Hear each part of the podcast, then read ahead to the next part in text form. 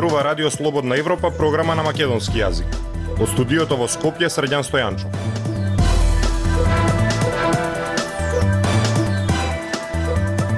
Ја слушате емисијата на Радио Слободна Европа почитувани. Во неа објавуваме Руските дезинформации влијаат на јавното мислење за војната во Украина. Кој добива, а кој губи од замрзнувањето на цените на прехрамбените производи? Приватните автобуси се враќаат на скопските улици. Слушајте не. Независни вести и анализи за иднината на Македонија на Радио Слободна Европа и слободнаевропа.мк. Повеќе од половина од анкетираните македонски граѓани сметаат дека преговори, а не победа на Русија или Украина се решение за војната. Од Институтот за демократија ова го објаснуваат како резултат на кампањите со дезинформации, но и на неинформираност и разочараност на граѓаните од Европската Унија. Над половина од испитаниците ги сметаат Соединетите држави за фактор со најголемо влијание во земјава. Марија Тумановска Војната во Украина започна со силна осуда во македонската јавност. Тоа е и официјалната позиција на државата. Но во овој период од една година додека трае, Северна Македонија, но и регионот се соочи со бројни лажни вести во медиумскиот простор кои влијаат во обликувањето на јавното мислење. Тоа го покажува и најновото истражување на Институтот за демократија и фондацијата Конрад Аденауер, во кое мнозинството граѓани до одреден степен не се согласуваат оти Русија има за цел да ја освои Украина. Дури 41% процент не се согласуваат со овој став. Авторката на истражувањето, Ана Марија Велиновска, објаснува дека тоа покажува оти мнозинството граѓани сметаат дека Русија реагира превентивно како реакција на провокации без да има намера реално освојување на Украина. Владе една кампања во целиот регион на ширење на дезинформации пласирани од различни видови медиуми. А најчесто овие дезинформации доаѓаат од земјите соседи на Македонија, меѓутоа и начинот на восприемање на податоците и на информациите од страна на нашите граѓани укажува на голема медиумска неинформираност. Официјалната позиција на државата е осуда на агресијата на Русија и силна поддршка за Украина. Во анкетата на Институтот за демократија било поставено прашањето дали нападот на Русија кон Украина е реакција на провокациите на НАТО кои Москва не можеше да ги игнорира, а резултатите покажуваат дека испитаниците до одредена мера се согласуваат со оваа теза. 36% целосно, а 15 се до никаде. Од Институтот за демократија велат дека добиените резултати укажуваат од мнозинството испитаници сепак веруваат дека оправданоста на нападот од страна на Русија треба да се бара во провокации кои ги креирало НАТО, теза која што е спротивна на мнозинството размислувања представени во стручната јавност. Истражувањето покажало и дека 34% од македонските граѓани не се согласуваат дека победата на Украина значи и победа на Европа. Инаку ова истражување започнало како анкета за европските интеграции, па дел од одговорите на испитаниците Велиновска ги припишува и на разочараноста на македонските граѓани од блокадите на тој пат и политиката на Унијата кон Македонија. Украина, на пример, доби кандидатски статус во јуни, а последните најави дека ќе ги отвори преговорите до крајот на годината, според Велиновска може да предизвикаат и дополнително разочарување кај македонските граѓани. Што значи проширувањето па за нив? Али се гледа само од геополитички за безбедност на континентот и на Унијата или пак се гледа и од аспект на реформи и внатрешна внатрешно напредување демократизација. Истражувањето меѓу другото го мери и јавното мислење во однос на поддршката за друга алтернатива на членство во Унијата, во Евроазиската Унија предводена од Русија. Сепак бројот на поддржувачи се намалува, а 53% или мнозинството граѓани остануваат сврсто на ставот дека алтернатива како Евроазиската Унија не е пожелна, односно дека граѓаните се идентификуваат само со некои идеологии кои доаѓаат од Русија, а иднината сепак ја гледаат во Европската Унија. Слободна Европа. Следете на на Facebook, Twitter и YouTube. Краткорочни придобивки или долгорочни штети, што ќе предизвикаат владините мерки за замрзнување на цените на основните прехрамбени производи. Власта вели дека го штити јавниот интерес, но бизнисмените сметаат дека до соодветни цени на храната може да се дојде и ако државата се откаже од даноци и царини.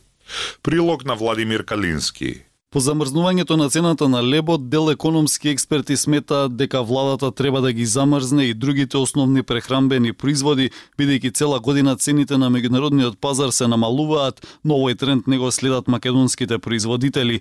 Од друга страна, бизнисмените предупредуваат на долгорочни штети врз бизнисот. По одлуката да ја замрзне цената на лебот на 33 денари, владата сега најавува замрзнување на цените и на другите основни прехранбени производи. Министерот за економија Крешник Бектеши рече дека во моментов се анализираат цените на тестенините и на млечните производи, а одлуката ќе биде објавена оваа недела.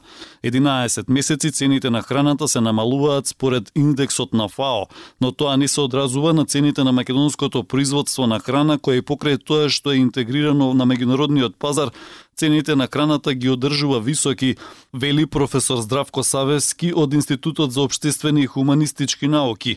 Според него во ваква ситуација власт има обврска да го заштити јавниот интерес и да ги замрзне цените на храната. Капиталистите кои поседуваат фабрики и предпријатија за производство на храна не го следат тој тренд на намалување на на трошоците за производство и ја држат цената ви, е, релативно високо висока и повисока отколку што е, ја прави математиката на цени на производство и остварување на профит. Мелничко-пекарската индустрија се закани дека ќе поднесе тужба поради тоа што сметаот ја незаконска владината одлука за замрзнување на цената на лебот на 33 денари и обврската за пекарите да произведуваат и испорачуваат леб. Пекарите предходно се заканија дека нема да испорачуваат леб.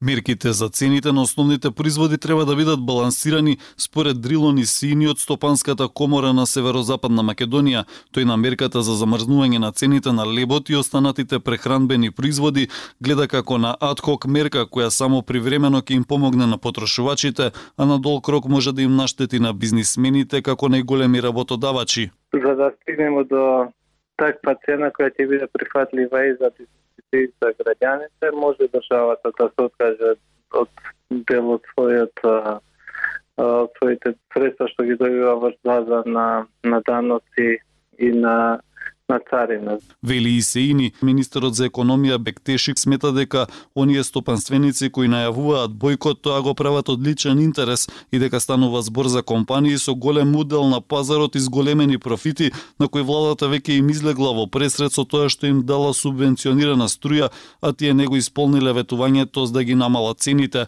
Бектеши посочи дека одлуките што ги носи владата се според законот за трговија. Големиот раст на цените на прекранбените производи е проблем во Македонија Македонија како земја со највисока инфлација во регионот и една од највисоките во Европа. Радио Слободна Европа, светот на Македонија. Приватните автобуски превозници се враќаат на скопските улици под исти услови и на исти линии како и пред спорот со град Скопје. Разликата е што сега нема да бидат ангажирани преку досегашните фирми Слобода превоз и Маке Експрес, туку преку нови. По пет месеци одсуство од јавниот превоз и неколку блокади, тие со градските власти се договорија и за исплата на долгот. Од градот Скопје велат дека не се работи за долг, туку за доспеани обврски.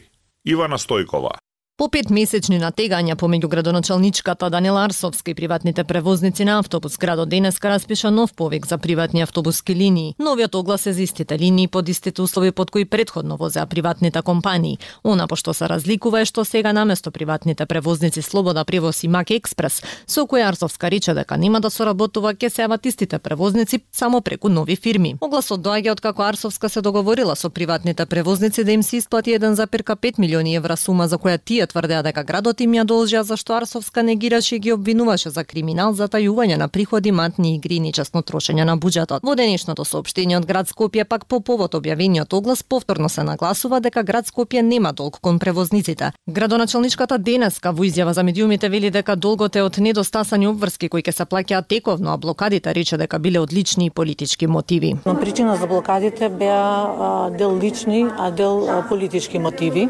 Ние како што кажавме повеќе патија, тоа и не сакам да навлегувам во оние манипулации кои што беа пласирани во јавноста, е дека таму има тековни побарувања. Тоа значи вие кога имате склучено договор, за тој договор добивате амансно фактурирање кои што се недоспеани обврски. Се тоа на кое што е тековно побарување од новиот договор и од она кое што беше од претходниот договор со јавните превозници, со ЈСП па, значи се изнајдоа заеднички начин, продолжуваат понатаму и тие обврски тековно ќе се бидат исплаќани како што тоа било наназад во изминатите 30 на години. Ново јавен повик нема да Да може да учествуваат Слобода Привоз и Маки Експрес поради договорот кој беше раскинат, а кој предвидуваше забрана за учество доколку се раскине пред истекот на истиот и по нивна вина. Директорот на превозникот Слобода Привоз Ленин Јовановски вели дека договорот помеѓу Арсовска и приватните превозници покажува дека се правеле обиди да се представи состојбата таква каква што не е. Во секој случај дека можеше порано да се реши кога се се знаеше на време и стварно не ми јасно зашто се изгуби толку време и зашто се ставиа такви обиди да се представи состојбата онака како што не е.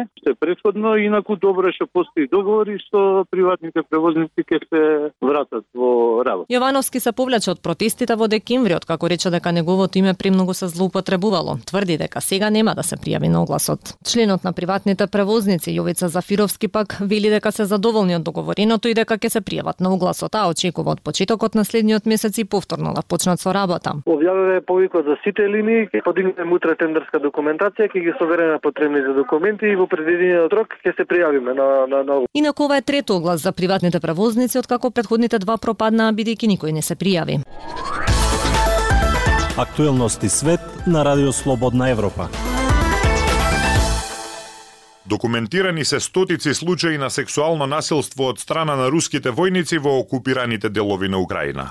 Надлежните сметаат дека вистинската бројка е многу поголема зашто жртвите ретко пријавуваат. Најчесто се работи за силувани жени, но има и сексуална злоупотреба на мажи. Судот во украинскиот град Чернихив во ноември во одсуство осуди двајца руски војници за прекршување на правилата и обичаите на војување со тоа што повеќе пати сексуално злоупотребувале млада девојка, заканувајќи се дека ќе ја убијат. Во март 2022 Руслан Кулиев, додека се наоѓал во населба во регионот Чернихив, повеќе пати се обидел да силува малолетна локална жителка, ја удирал во глава со своето оружје и ја гушел, изјавија обвинителите за еден од обвинетите. Кулиев беше осуден на 12 години затвор, додека другиот војник доби 10 години. Од почетокот на руската инвазија врз Украина на 24 февруари минатата година беа пријавени многу инциденти на сексуално насилство и сексуализирана тортура од руските војници во областите што ги окупираа. Откако украинските војници ослободија дел од териториите по неколку недели или месеци руска окупација, украинските представници велат дека се пријавени стотици такви случаи. Без оглед на извештаите што се појавуваат, тие може да го прикажат само врвот на сантата мраз, рече специјалната представничка на Обединетите нации за сексуално насилство во конфликтот Прамила Патен. И покрај многуте сведоштва и докази, руските официјални представници негираат дека нивните војници напаѓале цивили или извршиле воени злосторства за време на инвазијата, која Кремљ еуфемистички ја нарекува специјална воена операција. Мрежа на украински представници на законот и хуманитарни организации сега работат да обезбедат помош и утеха за жртвите на сексуално насилство и да соберат докази за гонење на осомничените. Литванската феминистичка организација Лигјаи соопшти дека сексуалното насилство почнало веднаш по инвазијата. Веќе во текот на втората недела од војната имавме барања за тестови за бременост, велат во организацијата. Тие веднаш почнале да испраќаат пратки со помош во Украина.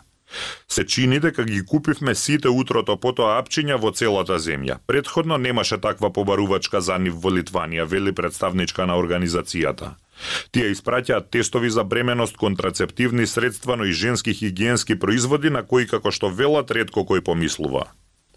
Извештајот на Обединетите нации од септември откри 30 случаи на сексуално насилство извршено од руските сили по инвазијата, вклучително и силување на 8 жени и едно девојче и 15 случаи на сексуално насилство како метод на тортура или злоупотреба на мажи.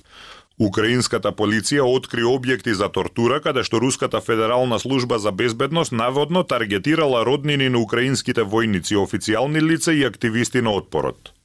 Ако некој е во армијата или работи за полицијата, неговите роднини ќе бидат први на ред. Неговата мајка, неговата сопруга или неговата ќерка може да бидат измачувани, а потоа ослободени со порака да го поздрават нивниот син, сопруг или татко, рече украинската обвинителка за сексуални воени злосторства Ирена Диденко. Таа смета дека практиката на сексуално насилство се врши со знаење на руските окупацијски власти.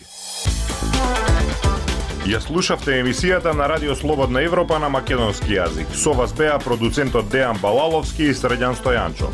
До слушање.